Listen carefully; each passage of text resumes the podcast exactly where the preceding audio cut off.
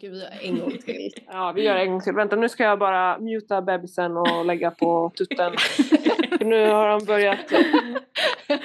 Jag älskar hon bara... Vi mutar. Det, det, det är enkelt att muta bebisen. Shoving a tit down his throat is working. Älskar det.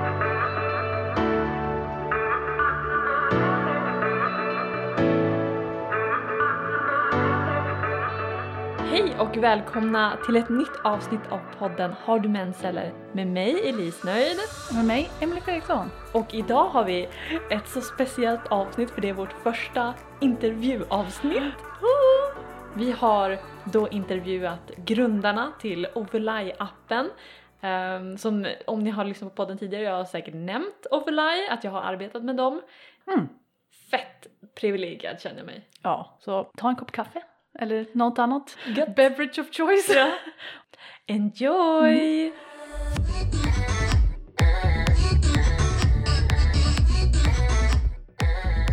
Eh, Hejsan och eh, välkomna! Tack! Tack, tack! Så då har vi ju två av grundarna till appen Ovulai här med oss idag. Välkomna, välkomna! Tack! Vi är så taggade. Ja, jag heter Leila. Och jag heter Kristina. Vi tänkte lite så här, om ni har lyssnat på vår podd så brukar vi ju börja med att prata om vilken cykeldag vi är på eller vad vi är i vår menscykel och hur vi mår och sådär. Så vi tänkte om ni vill och har lust så skulle ni jättegärna få dela det också. Ja, och jag skulle nästan föreslå det för att jag lyssnade precis på avsnittet och bara vi måste börja med det här också. Ja! Så jag kan sätta igång. Ehm, jag är på min 25 dag faktiskt. Jag fick en liten plingnotis som sa tre dagar kvar till mens. Ehm, så det är där jag är på min cykeldag 25. Är det så vi säger? Ja, Underbart! Per- perfekt! Tack. Det är som att du har gjort det här innan. Nej, det är inte som att jag har gjort det här innan. ja, och eh, jag har faktiskt eh, fött barn två månader sedan. Har Mm. ännu inte fått mens, så ja, om, jag vet inte om man räknar eh, cykeldag, men eh, låt oss säga cykeldag 60. Något sånt. Ja. cykel, cykel noll brukar man prata om. Är det så? Ja. Men det kanske är, alltså det måste vara för att man ammar. Inte för att jag vet exakt science, nu kanske jag killgissar. Ni får hoppa in. Vi har en liten gäst, eh, extra bonusgäst med oss där också. Ja. Nu Vad roligt. Bebisjoller. ja, men ni då? Vilka, vad är er cykeldag? Oj, det var en bra fråga. Vi så här, varje gång det här så bara plockar vi fram våra telefoner, eh, Alltså, så ni- kollar våra appar. Jag Ja. med. Jag med. Och det är så sad för att jag raderade, jag bytte precis en, alltså jag bytte min telefon nyligen. Så tydligen så sparade jag inte mina liksom, info i den gamla telefonen. Jag vet, så jag var tvungen att börja om. And I was like, what now? This Åh, is a nej. disaster. Mm. Så tragiskt. Åh, Jag så vet. ledsamt. Ja, men eh, efter tredje månaden då, då börjar liksom notiserna komma igång lite. Ja men nice. Okej. Ja men jag är på cykeldag 6 så precis mensen är slut så det känns bra. Jag är nice. pepp på eh, follik- follikelfas. Underbart. Och jag är på cykeldag 17. Precis i början av eh, så här eh, ägglossningsfasen. Så jag är fan, kan inte sluta prata. det är där klassiskt jag, ägglossning bara We love that. Ja men nu vet vi lite grann vars vi, vars vi är allihopa. Lite olika delar av cykeln och allt. En he, hejvild blandning. Men, men ni måste ju berätta lite mer om, om Overlay, vad, vad det är för någonting. Precis, jag har ju nämnt i förbifart tror jag någon gång. Men jag har ju inte gått in på the juicy details. Mm. Ja, gud var ska man börja? Det är som så här en hel identitetskris varje gång någon frågar. Men bara berätta. Och man bara, mm, where, where do we start? It's been a two year journey. Men Leila, Men- ska vi börja med hur allting startade och så kommer vi in på vad Ovulai är? Ja. Ja, Kör! det låter jättebra. Mm. Nej, men vi, precis, jag och Leila tillsammans med våra andra, två andra medgrundare, vi har startat Ja. Ovulai och det var två år sedan nu. Eh, och allt började med att ehm, jag och Leila, vi är ju gamla gymnasiekompisar egentligen och Katarina, vår eh, tredje medgrundare. Ja. Eh, och vi har levt, levt lite parallella liv. Eller hur Leila? Alltså vi säger, det är så himla udda, men vi gick i samma gymnasieklass och sen började jag och Kristina KTH um, så, och ingenjörsutbildningen. Hon började kemi, eller teknisk kemi som det kallas, och jag började bioteknik, så literally parallelliv för vi var i samma sektion. Um, så det, det, är så skojigt, men vi har verkligen levt parallelliv. Mm. Och sen, Kristina, du får ju berätta vart du gick därefter. Ja, precis. Så efter mina, eller sista terminen på mina studier så uh, blev jag jätteintresserad av entreprenörskap och uh, ja, men hela startup-livet. Jag var lite sugen att testa det så jag åkte till Singapore, uh, okay. the, the hub of startups så att säga. Alla, alla har startat företag där. Så jag åkte dit för att plugga entreprenörskap. Jag jobbade där också på ett medtech startup och blev introducerad till, till det hela. Och eh, efter det så kom jag tillbaka till Sverige och bara okej, okay, men nu börjar jag väl jobba som ingenjör. Började jobba då på ett eh, stort life science-bolag. Eh, Uh, och där träffade jag Leila igen. Vi återförenades. Mm, Kul! Och medan Kristina var på sin lilla entreprenörskapsresa och typ verkligen ja. blev kär i hela startup-livet så trodde jag att jag skulle forska. Uh, jag, jag var så, här, så himla set on, delvis för att min utbildning tvingade mig in i det, I'm not gonna lie. Men mm. uh, jag var så himla set på att jag skulle forska och göra min PhD. Så jag, jag var alltid fascinerad av liksom, uh, komplexa sjukdomstillstånd och jag ville liksom hitta botemedel och what have you. Um, så jag, i min examensarbete började jag arbeta med en cancerprojekt eller cancerdiagnostiskt projekt som var riktigt jävla kul. Vi skapade en liten diagnostisk verk verktyg för att detektera cancerceller i, tidig, i ett väldigt tidigt skede i blodprover. Och när det var klart eh, så ville jag liksom fortsätta. Jag ville liksom testa med patienter. Okej, vad kan vi göra näst? Alltså jag ville liksom att det ska komma nära människan och verkligen mm. göra en impact. Eh, men jag blev så jävla hjärtekrossad när eh, min professor då tog, när vi väl publicerade, och la den på hyllan och bara on to the next one. Alltså det var så jävla hjärtekrossande. Jag vet, och det var då jag insåg, typ, jag drevs av att kunna liksom göra en in, alltså impact, göra en påverkan i människors liv. Men med mm. forskning så var det så långt ifrån. Mm. Uh, so I chose capitalism. No, I'm kidding. rimligt, rimligt. Lite rimligt. Uh, så jag, jag sen, ju väl gå och börja jobba på riktigt istället. Och uh, jag började på samma företag som Kristina, i samma grupp, ja. i samma team. Och där satt vi och började prata om liksom livet och vi delade erfarenheter och alltså jag efter åldern 25, det var som att min kropp ville döda mig. I, I'm not even joking. Alltså jag skämtar inte. Jag hade de kraftigaste menssmärtorna från absolut ingenstans och kände liksom Is it just me? Mm. och Kristina då började, ah, du får jättegärna berätta vad du gick igenom då. Ja precis och samtidigt som Leila började klaga på sin mens så, bara, så öppnade jag upp mig och bara, nej men jag har precis uh, slutat med preventiva uh, hormonella preventivmedel och kände att jag ville utforska mig själv utan uh, tillsatta hormoner. Vem är mm. jag typ? Och just där och då så upplevde jag att min menscykel kom inte tillbaks, den vart oregelbunden. Och jag besökte ju också en gynekolog eh, som tittade på det här. Och på ultraljudet så såg det ut som att det var cystor. Eh, men hon gav mig ingen diagnos egentligen. För mm. eh, hon sa liksom att ja, det här kan se ut som PCO eller PCOS men ja, om du inte planerar att bli med barn så, så behöver vi inte sätta någon diagnos egentligen. Och jag bara, ah, okej, okay. ja jag accepterar väl det här men jag gick ut därifrån väldigt förvirrad och bara, okej okay, men mm. should I be worried or not? Det, här, det så... känns som att man har hört den här historien tusen gånger, tyvärr. Så många gånger. Ja. Och det var, det var det vi insåg, alltså när jag och Kristina började prata om de här problemen och prata med andra i vår närhet. Det var mm. som vi alla gick igenom exakt samma upplevelse. Ja. Alltså många sökte vård och fick fortfarande höra eh, om, inte du, om inte vill bli gravid just nu så är det fan inga problem. Eller ta, så här, ta p-piller. Ja. And that was it. Och Mm. vi kände oss så himla maktlösa och tänkte, och just då så jobbade vi som professionella problemlösare, kanske man kan kasta in här. Mm, just det. och som de kallar liksom avvikelseutredare, men det är bara massa problem och du ska försöka lösa dem. Och då tänkte vi liksom så här, men gud det här borde inte vara så svårt att lösa. Så att det var så Overlie kom till. Ja. Det var så det typ- började. Ja, det var så det började och vi bara, nej men vi försöker lösa det här. Fy fan vad driftigt och så här bara. Nu ska vi använda våra, våra skills och bara, vi löser det här. Nej men, nej men det kändes så kul, det kändes så roligt att eh, så här, lära sig mer om ämnet och ändå så här, ehm, känna igen sig i problematiken.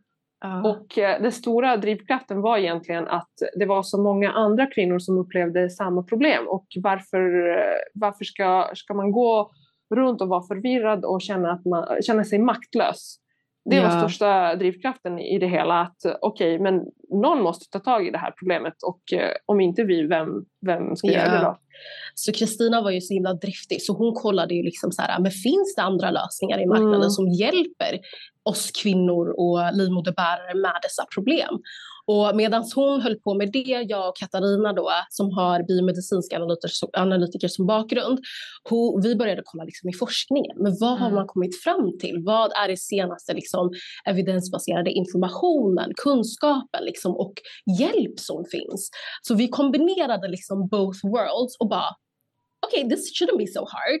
Men det finns lite, inte så mycket, men det finns lite information Ja. som, som liksom har kunnat bevisa att vissa typer av förändringar kan leda till att kvinnor faktiskt mår bättre. Så då tänkte vi, ja men vi, vi kör. Alltså vi kör. Och vi har pivotat så många gånger. Gud, Elisa har varit med oss i alla fall två av fyra pivots. ja. Men det Ja, men tog så- ett tag innan det landade i, i vad Ovula är idag. Precis, och vi kan bara tillägga att eh, vi väldigt tidigt så visste vi att det här kommer vara en digital produkt och därför hakade vår eh, tekniska chef eh, Sandra på, på resan. Och hon, hon kom in med sin pas- passion för kvinnohälsa Mm. och eh, verkligen, så det, det blev vi fyra, jag och Lai. Det låter som ett, i alla fall som ett mycket trevligare sätt att komma åt evidensbaserad kunskap än att läsa vetenskapliga artiklar. Exakt! Ja, precis. Nej men precis och eh, det finns ju mycket forskning men den forskningen ska ut bland, eh, bland folk. Ja, det är inte så många som kan läsa. Alltså f- forskning är ju väldigt krånglig att läsa om man inte typ är insatt i ämnet och även då kan det vara krångligt att läsa så här vissa artiklar. Ja, så vi, alltså för oss var det så här så himla själv, eller från, från de som då har jobbat med lite mer forskningsartiklar. Vi satt där och bara, men låt oss bara göra det här lättillgängligt och Mm. enkelt att förstå. För det här är ändå kunskap och bara kunskapen är ju makt. Så hur kan vi förse det till människorna direkt? Så det är verkligen ja, så det hela liksom sattes igång. Men också så här, hur kan du omsätta kunskapen i någonting som är handlingsbart? För att ja, kunskap är jätteviktigt, det är steg ett. Men hur gör du det konkret? Hur implementerar Mm. du det i din vardag? Det är också någonting som vi angriper, det problemet. Eh, Så det som vi började titta på när vi började titta på ja, men vilka menstruella problem finns det eh, så insåg vi att eh, det är väldigt många kvinnor och livmoderbärare som lider av kroniska tillstånd som till exempel PCOS, då, polycystisk ovariesyndrom. Och det är ett komplext eh, syndrom helt enkelt som eh, uttrycker sig på olika sätt och som man får leva med ja, hela livet i princip eh, Mm. och som på något sätt eh, påverkar ens livskvalitet. Ja, och i, i väldigt tidigt i början så Alltså vi pratade med så många olika kvinnor som hade så många olika problem för Mm. att kunna förstå, okej, vad är det vi kan komma in och hjälpa med? Och de, de röster som hördes mest och, och, och högst, det var de som hade de här kroniska tillstånden, det vill säga PCOS, endometrios, PMS, PMDS, och de som faktiskt inte har fått hjälp. Ehm, och PCOS var liksom extra nära hjärtat just med vad Kristina gick Mm. igenom. Så det var, det var liksom den vi började med verkligen djupdök oss i. Och skapat då den första digitala hälsocoachen för PCOS som vi nu kallar det. Och i eh, appen då, som, är, som ska agera som digital hälsocoach, Eh, vi digitaliserar den eh, första rekommenderade behandlingen, behandlingsformen, vilket är livsstilsbehandling. Och eh, många, när de vänder sig till gynekologen så säger gynekologen ah, men du, om du går ner i vikt så kommer din, din hormon, dina hormoner att komma i balans och du kanske får eh, regelbunden cykel. Det, det handlar ju om att det är livsstilsbehandlingen som eh, som remitteras på det sättet. Mm. Men vi vill ju göra den lättillgänglig i lättillgängligt format. Och det gör vi i appen. Eh, genom att då kombinera evidensbaserad kunskap från senaste forskningen tillsammans med digitala eh, tekniker som eh, då guidar användaren till att etablera de här livsstilsförändringar och PCOS-vänliga vanor i mm. ens vardag. Vi pratade om det i förra avsnittet också att ja, men man kanske får något råd och så här, ja men typ ja, men gå ner i vikt. Eh, om det är ett väldigt klassiskt råd så bara jaha men det är ju inte hur lätt är det för de flesta? Det är inte bara bara att gå ner i vikt. Lyckas med det och ja.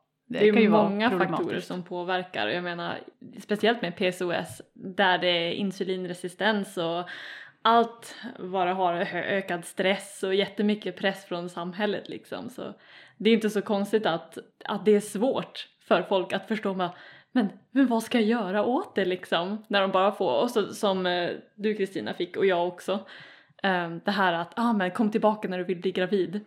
Man bara, men Exakt. Men och det är liksom, alltså vi jobbar väldigt datadrivet eh, som ni kanske har märkt av. Vi, alltså i början, nej men, men på riktigt, för oss var det så här, för att faktiskt kunna göra en förändring. Vi tror på att data är makt. Liksom. Att kunna föra de här konversationerna med de viktiga liksom, stakeholders, de här läkarna, gynekologerna liksom, som, som är med och, och liksom ger de här typen av konversationer. Så det var väldigt viktigt för oss att kvantifiera det vi alltid hör. Att det är många som säger jag känner inte att jag har fått hjälp. Jag ja. känner inte att jag har fått information. Jag känner inte att jag har fått hjälp, rätt behandling. Eh, och vi lyckades kvantifiera det alltså med enkäter med över typ 500 eller 600 personer i vår community som svarade och hjälpte oss att besvara. Men 87 procent av personer med PCOS eh, upplever bristfälligt med information, kunskap och vägledning kring deras diagnos när de, väl, när de först blev diagnoserade. Och det är så himla hjärtskärande men det var väldigt viktigt för oss att kvantifiera de här bitarna. Att det mm. faktiskt inte bara är enstaka liksom, Elise eller Kristina utan det är faktiskt majoriteten. Hur sjukt är inte det? Ja, det är helt, helt klart. Och jag kan flera andra personer som men de går till gynekolog och det är så himla tragiskt att det ska vara så men de går dit, får ingen hjälp även om det inte kanske är PCOS men bara andra liksom mm. menstruella symptom och så blir de utslängd liksom i, i världen och så ska de försöka lära sig själv och som du sa det är svårt med kunskap, det är svårt yep. att anpassa kunskap till sin eget liv. Alltså jag kan ju veta att det är bra att jag dricker vatten men hur mycket ska jag dricka? När ska jag Exakt. dricka? hur ska jag komma ihåg att dricka? Exakt, och det var det vi i, i de första liksom, intervjuerna som vi har haft med många personer som hade PCOS, det var det vi identifierade. De kände att de fick höra de här generella begreppen som antingen gå ner i vikt eller ändra din livsstil men de fattar inte hur. Mm. självklart, alltså jag, jag fattar inte. Jag, jag försöker ju också försöka leva en bättre och hälsosammare livsstil. Ska man sluta dricka kaffe? Ska man sluta äta så? Alltså vad är det? Och uh, istället för att bara gissa sig eller liksom the blind leading the blind, vilket det tyvärr är nu. För att det vi märkte var att många fick inte hjälp av vården så att istället så finns det st stora communities som hjälper varandra vilket är så otroligt fint. Men vi måste bli bättre. Vi måste få en, en liksom vårdsaktör att ge de här... Det, det ska vara rätt från första början helt mm. enkelt.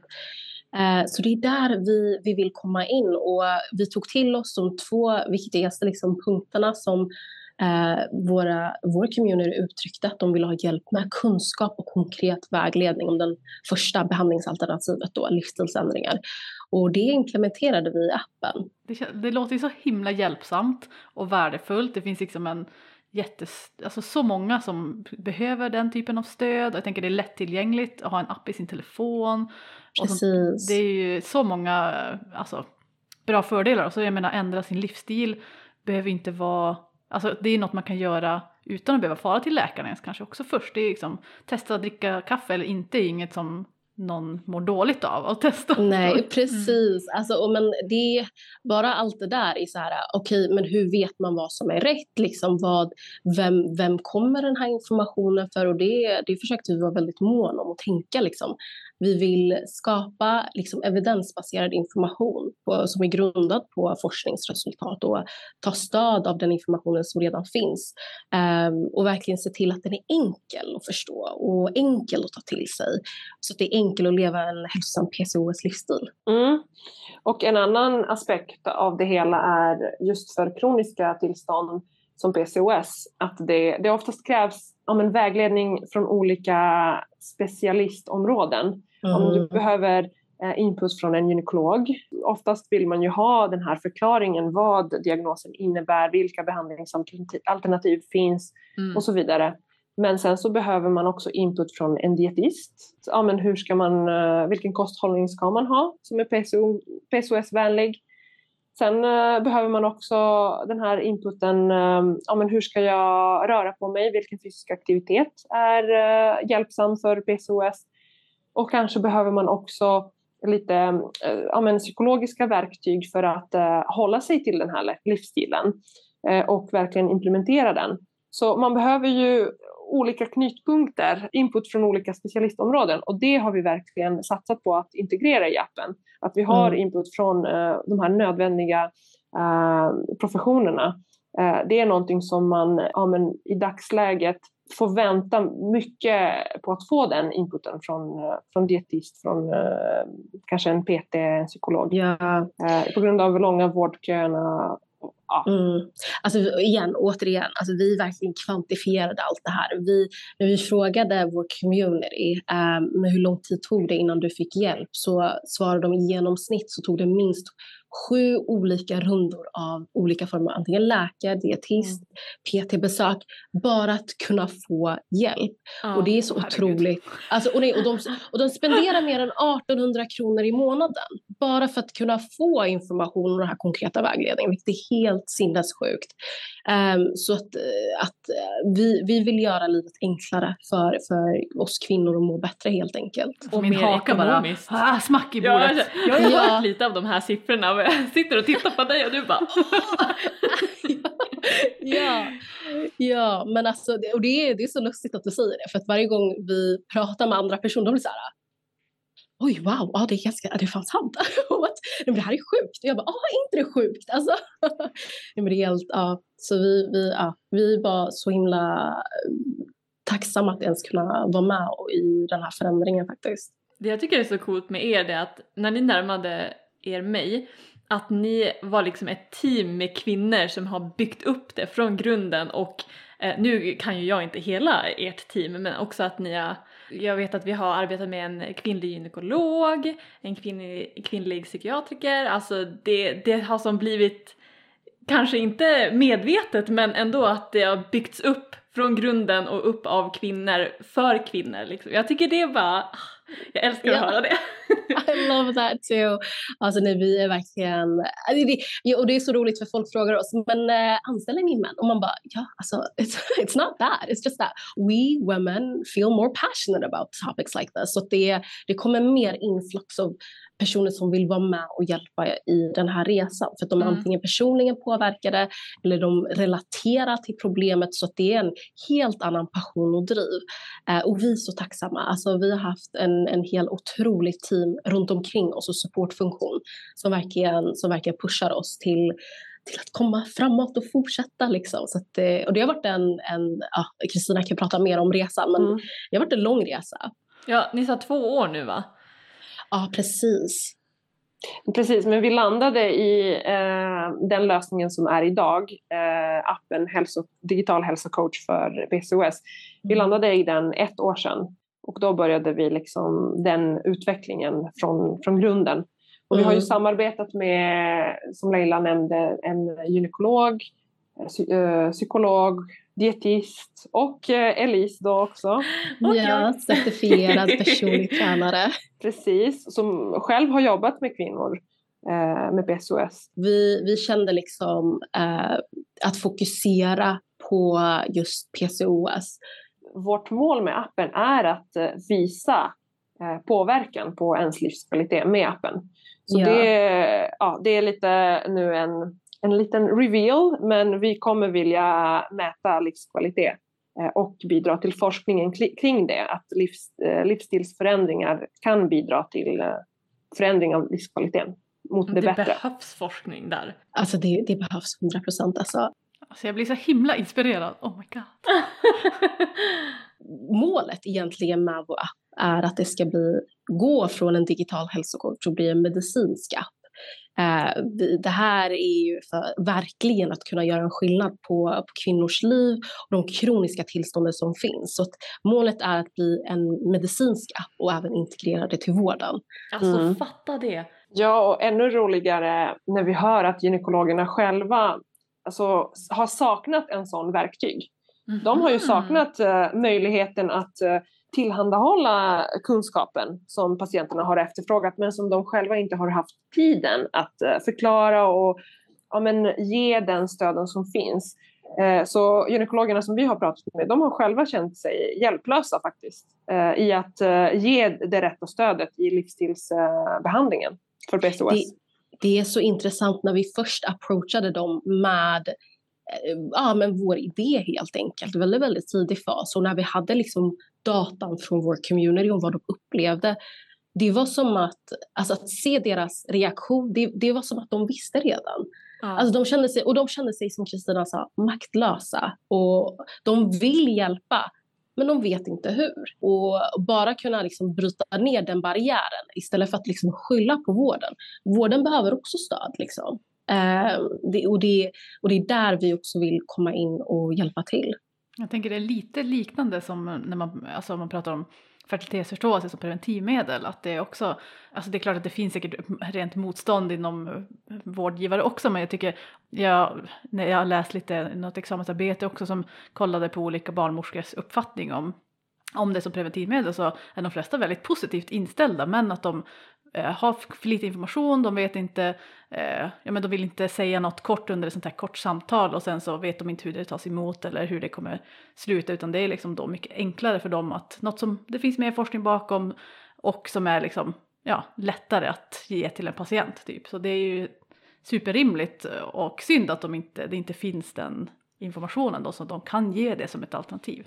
Precis, och det, det vi fått höra är de säger vi är experter på liksom, medicin och läkemedel. Det, Mm. det är det vi kan och det är det vi vill det är det vi kan liksom ge i, ja, som behandling och hjälp. Och, det, och när patienterna oftast får höra om ändra din livsstil, det är också för att de inte vet exakt hur de ska göra. Det, det här är inte deras kompetens. Det här är ju Mm. kompetensen av en dietist, av en fysioterapeut eller en personlig tränare liksom, och psykolog och så vidare. och Så vidare. Så det är därför oftast eh, kvinnorna slussas vidare utan att kunna få hjälp. Det är inte för att vårdaktörerna inte vill hjälpa, det är bara att de inte kan. Nej precis, Ehm, det går ju och utanför var- deras område liksom. Exakt. Och att göra vården mer ja, holistisk, men alltså mer fullrustad med all kompetens. Det tycker vi är otroligt viktigt, att kunna hjälpa till att förmedla där. För de känner sig maktlösa. Ja, men precis. Och speciellt i kroniska tillstånd. Det är Ja. väldigt viktigt att man, att man får som patient eh, den här helhetsstödet. Det är otroligt viktigt. Det är det som vi vill tillhandahålla med appen. Men ni berättade ju något jättespännande precis här innan vi slog på inspelningen. Vill ja, ni dela precis, det? Bara spoila innan vi fick börja spela in. Ja. ja, vi har gått live med appen faktiskt idag. Jag vet inte när episoden kommer ut nu, men ja, vi är äntligen live med i alla fall vad vi nu kallar för en betaversion av appen. Eh, det är den liksom first draft med fullt fungerande eh, där vi tillhandahåller kunskap och den här konkreta vägledningen kring det första behandlingsalternativet, det vill säga Alltså, livsstilsförändring för PCOS. En applåd! Grattis! Ja, det är så spännande alltså. Det är så spännande och eh, det är väldigt många från vår community eh, som har hjälpt oss eh, att sätta ihop appen genom att ge feedback och input och intervjuer. intervjuer, ja. enkäter och allt möjligt. Så vi är så tacksamma att, äh, ja, att folk är så villiga att hjälpa till. Det visar ju verkligen på engagemang mm. äh, från personer som har PCOS och på ett behov att det här verkligen yeah. behövs. Uh, och jag tror med den andan, vår community har varit så himla mottagliga för att kunna hjälpa oss komma vidare. För de själva vet att det här är något vi behöver. Vi skapar appen tillsammans med vår PCOS-community, tillsammans med vårdsaktörer, tillsammans med olika professioner. Och vi, liksom grundar teamet är verkligen the executors. We're getting shit done because they need to be get done. alltså vi, vi verkligen satt där och reflekterade och bara vi är så tacksamma för all stöd och det här är verkligen inte det här Ovela är verkligen en community. Så det är mycket större än oss, bara oss. Gud vad fint. Det låter så härligt. Och sen också att ni är bara ett helt gäng med boss bitches skulle jag säga som bara kör hårt. Men just att ni bara, ja oh, ni har en idé och sen tänker ni att ah, men hur, hur kan vi liksom ta den här idén vidare och sen bara kör ni utan att ha, eller utan, alltså ni har egna erfarenheter inom ett område men kanske inte utbildning inom specifikt typ kvinnohälsa. Exakt. Men att ni, ja. som du säger bara, men fan samla in dem liksom till en liten... Alltså vi verkligen bara drar in kompetenser och förstärkning för att kunna göra det här verkligt. Och jag tror drivet kommer från att en liten så form av naivitet. Vi vet inte. Alltså när vi inte vet, då, då, då vet vi inte. Alltså det är inte liksom för stort eller läskigt, utan vi bara mm. kör. Alltså mitt så här, ehm. forsknings, forskningshjärta och så här, naturvetarbakgrund blir så glad när jag ser så här, ja men ändå jag men också kvinnor som använder ja men det är ganska så här klassiskt manligt naturvetenskapliga typer av bakgrundsutbildning eh, och grejer då till att mm. göra såna här magiska saker. Ja, ja, hur coolt är inte det? Och det är inte bara vi, alltså det är så många i det här så kallade femtech-spacet som vi blir på riktigt dagligen inspirerade av. Uh, det är verkligen en, en stor community som påvisar liksom, ja men det är klart det ska finnas fler lösningar för oss kvinnor och livmoderbärare, det är klart. Mm. Ja. Det känns så självklart när typ man pratar om det och även när jag pratar med typ kompisar eller bara klasskamrater och så dyker det upp för att det är alltid något problem som finns, alltså något menstruationsproblem. Yep. Och det är just när man börjar prata med andra och bara men varför finns inte det här? Alltså det känns det känns som så självklart att det ska finnas redan och sen så bara gör det inte det och man bara men, mm. men varför? Nej, men det, det är så kul att allt fler kvinnor börjar komma på lösningar och satsar på att göra det själva för att vem ska göra det om inte vi? Mm. Men, sen, men sen också så här, eh, vi måste vara bättre på att efterfråga det här från, eh, från vården, från regionerna. Att så här, vet vi att det finns en lösning där ute, ja men efterfråga det från din gynekolog. För att ju fler som efterfrågar desto lättare är det till exempel för oss eh, som skapar lösningar att, eh, ja, men att eh, erbjuda det och då blir ju gynekologerna och liksom vårdgivarna mottagligare för sådana innovationer. För det är ju läskigt för supertips. Gammel, ja, ja, supertips. Efterfråga det här eh, hos din eh, vårdgivare. För att det, det, är ju såklart, eh, det tar ju tid för en traditionell vårdsenhet att ta till sig en innovativ produkt. Det är ju alltid, eh, det är alltid en utmaning. Mm. Och att ställa om. Men mm. det, är det, vi, det är det jag tror vi insåg i vår resa. Makten ligger verkligen i individen och oss som en community.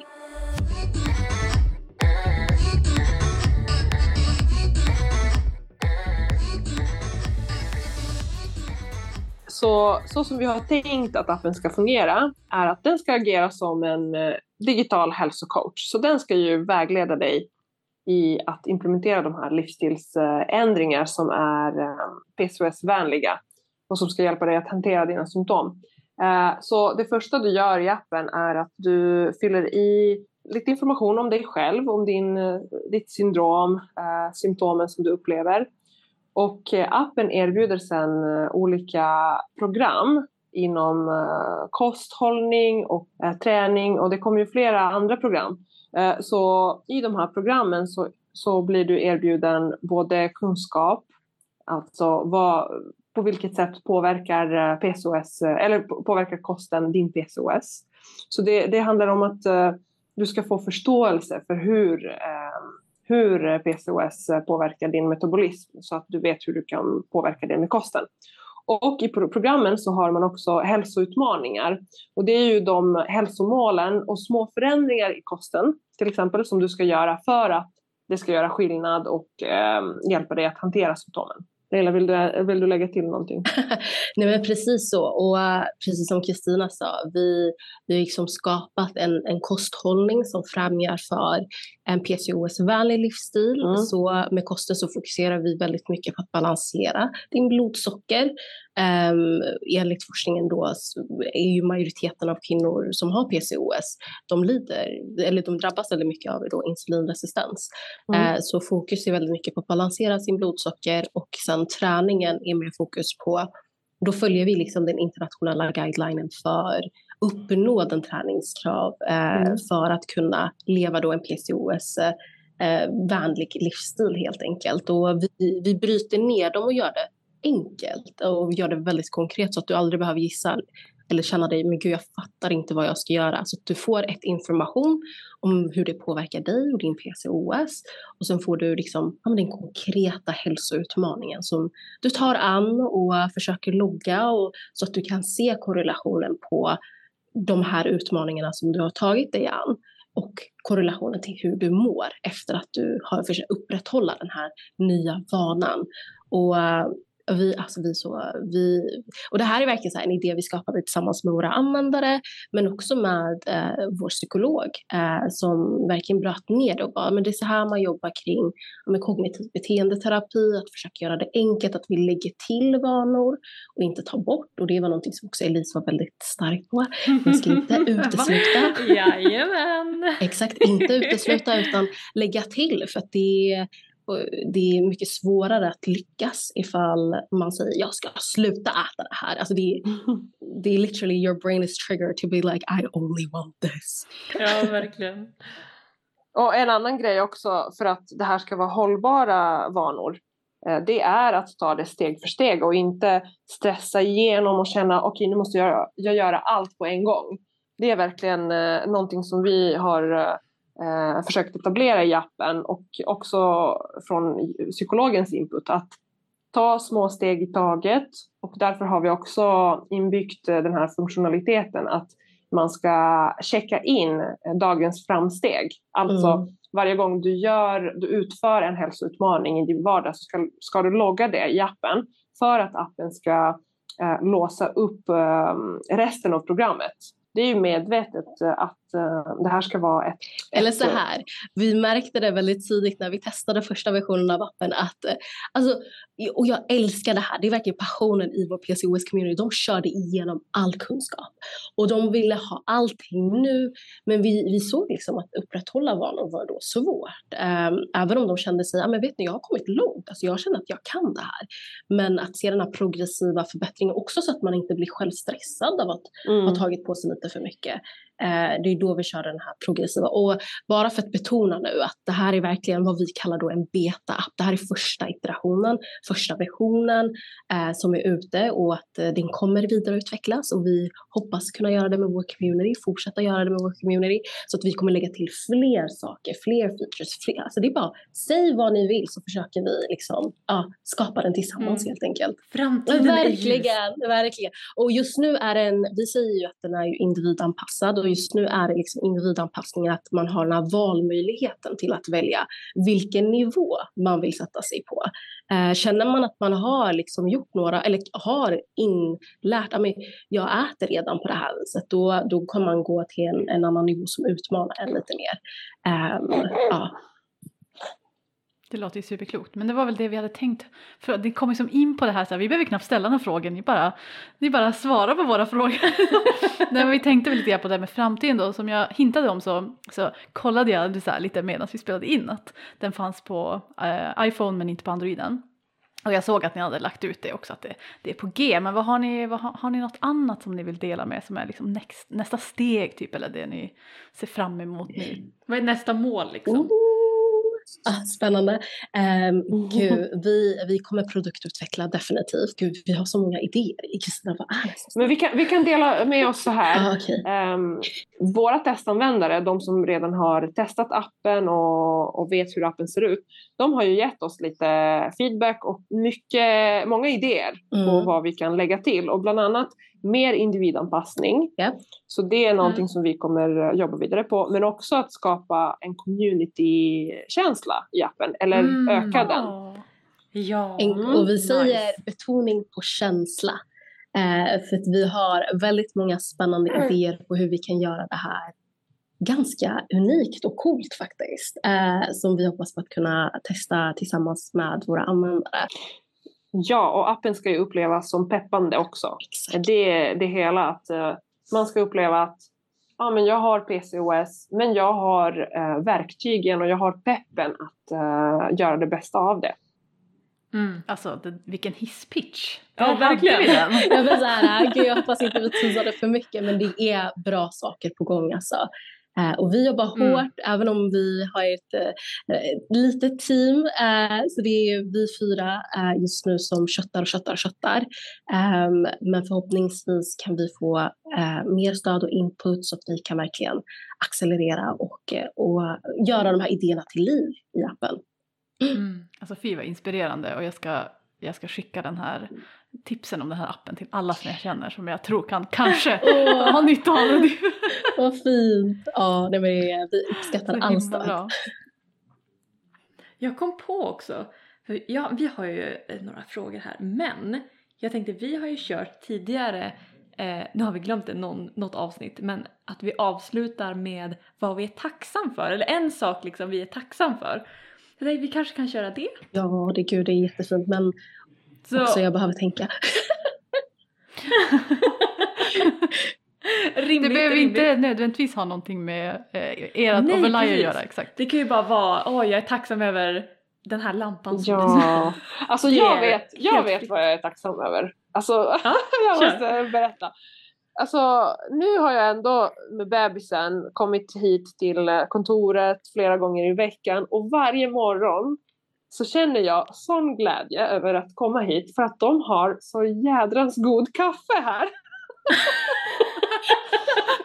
alltså de har så god kaffe här på kontoret och varje, alltså jag känner mig så pepp för kaffet. Alltså gott kaffe. Alltså mm. det kan göra ens dag på riktigt. På riktigt. Det kan göra en dag. med guld. Och eh, att, ja, att jag har så fina och peppande kollegor. Exakt. Att man kan komma hit Men jag och verkligen... skulle säga det. Alltså det har ju varit literally en dröm att, att kunna få jobba med Overlife på heltid, vilket jag gör nu.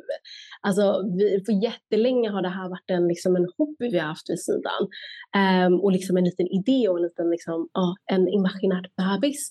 Så att, att, faktiskt kunna göra det på heltid, att driva det och, och liksom få idén till att bli verklighet. Och det känns liksom på riktigt nu när vi har lanserat också. Jag tror det är bara det. Jag är så tacksam bara för typ all support och den här äh, förverkligande av, av vår lilla dröm. Det känns mm. magiskt. Alltså, så himla fint och bara, jag måste bara skicka med typ så all lycka till och grattis och så här heja för alltså vilket, vilket ja. jobb och vilket verktyg. Det är ja, jättehäftigt. Ja, jag är pepp på framtiden i alla fall. Se vars ni kommer någonstans. Ah, är det någonting så som ni vill, eh, vars, eh, om några som lyssnar, om de vill ställa någon fråga till er eller kontakta ja, er eller er? sådär? Jättebra fråga. Alltså jag skulle säga eh, på overlife.com är liksom ja, med vår hemsida där du kan få information om PCOS och den, vad vår lösning faktiskt hjälper dig med. Men också vår community. Alltså vi är jätteaktiva på Instagram speciellt om du bara söker Overlife. Uh, vi har en väldigt interaktiv community och jag ska bli bättre. jag ska bli bättre och mer interaktiv för att det är verkligen där det händer. Vi delar liksom de här ja, men, enkätsvaren om eh, kvantifiera liksom, ja, hur det känns och hur, hur vår community mår och eh, de stora problematiken. Och, alltså att man, vi delar verkligen känslan men du är inte ensam och det finns eh, hjälp att få. Eh, så följ oss jättegärna på Instagram. Eh, det hade varit väldigt, väldigt uppskattat. Ja, perfekt.